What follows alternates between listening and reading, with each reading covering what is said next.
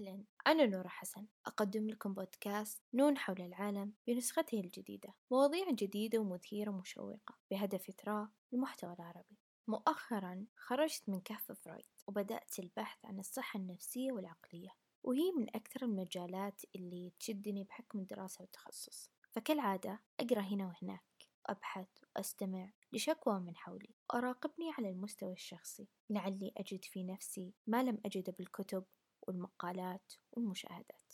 إن موضوع الإجهاد النفسي من المواضيع اللي من الواجب علينا كأخصائيين التطرق لها باستمرار لأنها حقيقة من أكثر الأمور والقضايا اللي تشكل أزمة للإنسان الحديث. إن الذي يسبب لنا الإجهاد النفسي ليس الناس أو الأحداث بل أفكارنا ومشاعرنا وموقفنا تجاه الناس والأحداث. إن الميادين والمدارس في علم النفس لعلاج مشاكل الإنسان كثيرة.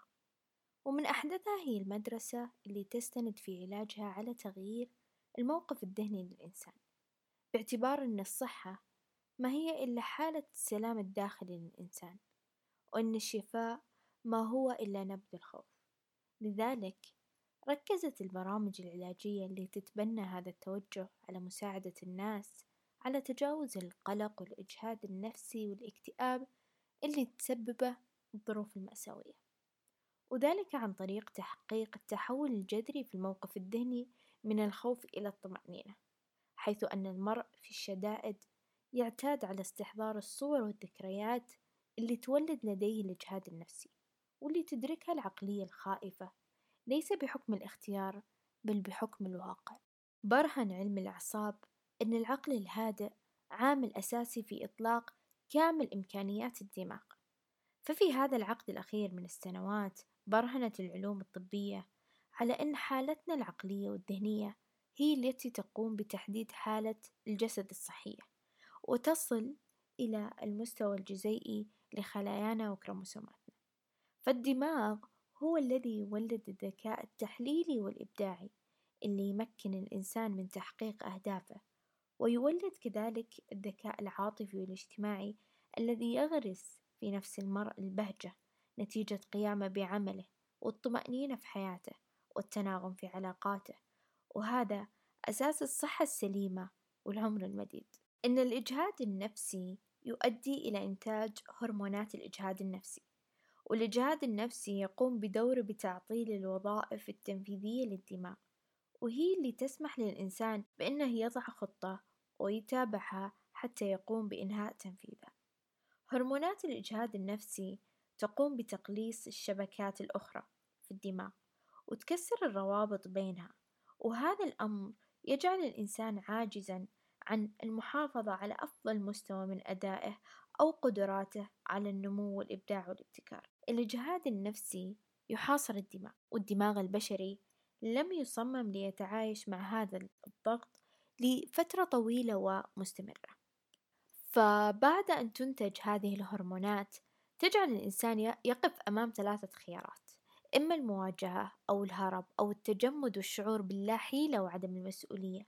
هذا يعرض الإنسان أيضا لأنه يوجه عواطفه بشكل سلبي مما يسبب له اضطرابات كالقلق والغضب والرهاب والاكتئاب. فإنتاج هذه الهرمونات بكثرة مستمرة تدمر الجهاز المناعي وتنشر الفوضى في نظام الجسم وتحديدا القلب والأوعية الدموية وتقتل خلايا الدماغ وقد تسبب للإنسان ذبحة صدرية وتقتله إن لم يضع هذه الطاقة تحت السيطرة. يحتمل أنه يكون الإجهاد النفسي إدمان فالجسم لما يتعرض للإجهاد الشديد يفرز البيبتيدات الأفيونية الذاتية وهي اللي تحاكي تأثيرات المورفين والهيروين وأثبتت بعض التجارب أن حيوانات المختبر اللي تعرضت إلى قدر كبير من الإجهاد النفسي أظهرت عوارض الإحجام بعد توقف الباحثين عن تعريضها للإجهاد وهو الأمر الذي يوحي بخضوعها للكيميائيات. فيبدو أن الحياة في هذه الحضارة السريعة والحديثة تتجه لتحويل البشر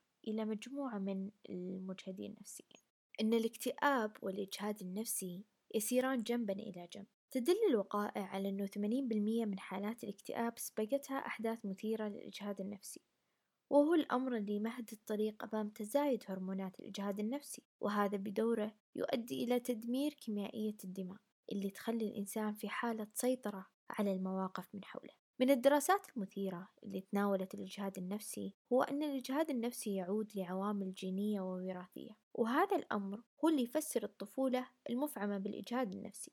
درس تيموثي جادج من جامعة نوتردام حالات 594 توأم وكانوا بعضهم متماثلين وبعضهم الآخر أخويين. بمعنى متماثلين إنهم كانوا توائم في نفس المشيمة والأخويين إنهم توائم لكن الاثنين كل واحد كان في مشيمة مختلفة عن الآخر. كما نشأ قسم منهم مع بعضهم البعض والآخرون نشأوا في أماكن متباعدة. توصل جادج إلى نتيجة مفاداها أن الجينات المشتركة أكثر أهمية بأربع مرات في تحديد كيفية تعامل التوائم مع وظائفهم من أهمية طبيعة الوظيفة ذاتها. يوحي هذا أن الإجهاد النفسي الناتج عن العمل يتعلق بالجينات أكثر بكثير مما اعتقد الباحثون سابقا.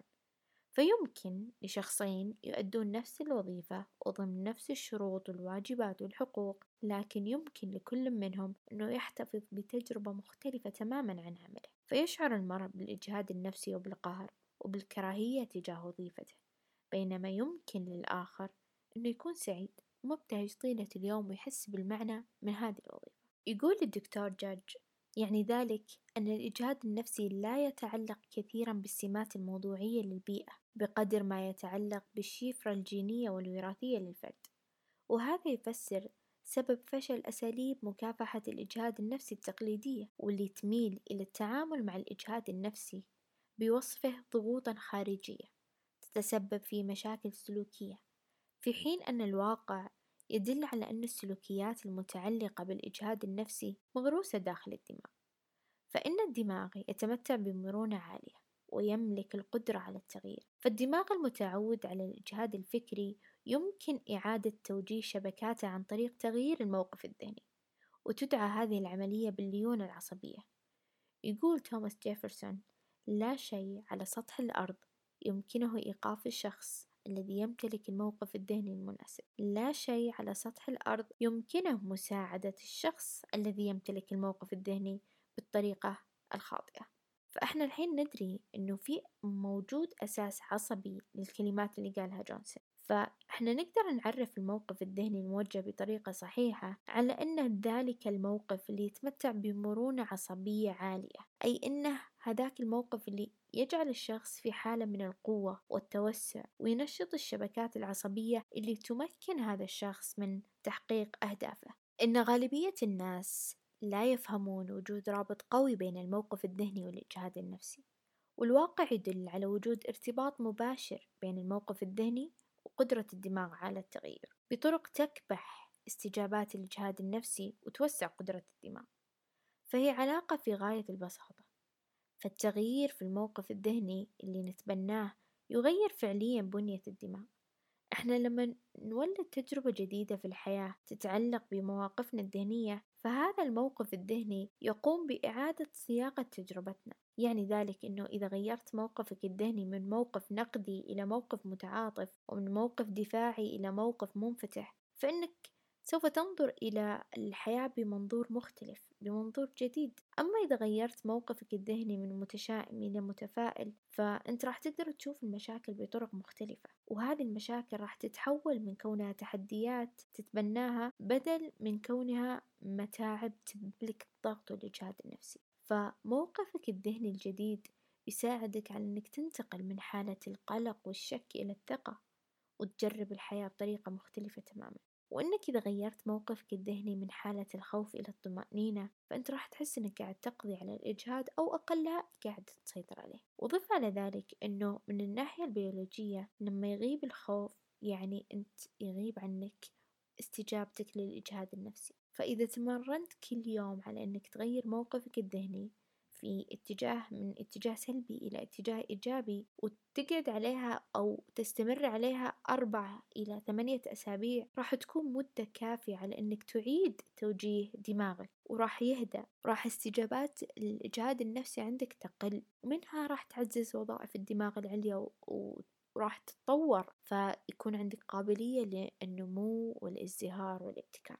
يقول الدكتور كول من جامعة كاليفورنيا في لوس أنجلوس إنه يتردد مغزى تجاربنا في الحياة ومعناها بمغزى يتردد كثيرا ويرتبط بشدة مع التغيرات الجزئية المناسبة. تظهر الدلائل بشكل متزايد بأن بيولوجية البشر بدءا من تركيبة دماغك ووصولا حتى كروموسوماتك تتشكل بحسب حالتك الذهنية. والأمر اللي يثير الدهشة أكثر أنه في هذه الفترة القصيرة نسبيا اللي يستلزمها الإنسان أنه, يحدث تغيير في الموقف الذهني في عقله وبالتالي يساهم في إحداث تغيير في تركيبة جسمه يقول دكتور كول إنه تغيير طريقتك في التفكير في العالم وتعاملك معه لفترة شهرين أو ثلاثة هو أمر كافي. لإحداث تأثير ملحوظ على واقعك وتأثير تقدر تشاهده بمستوى معين عالي. فالخلاصة إن نرغب جميعا إن نعيش حياة أطول بصحة أفضل وبشكل أكثر سعادة. فالنتائج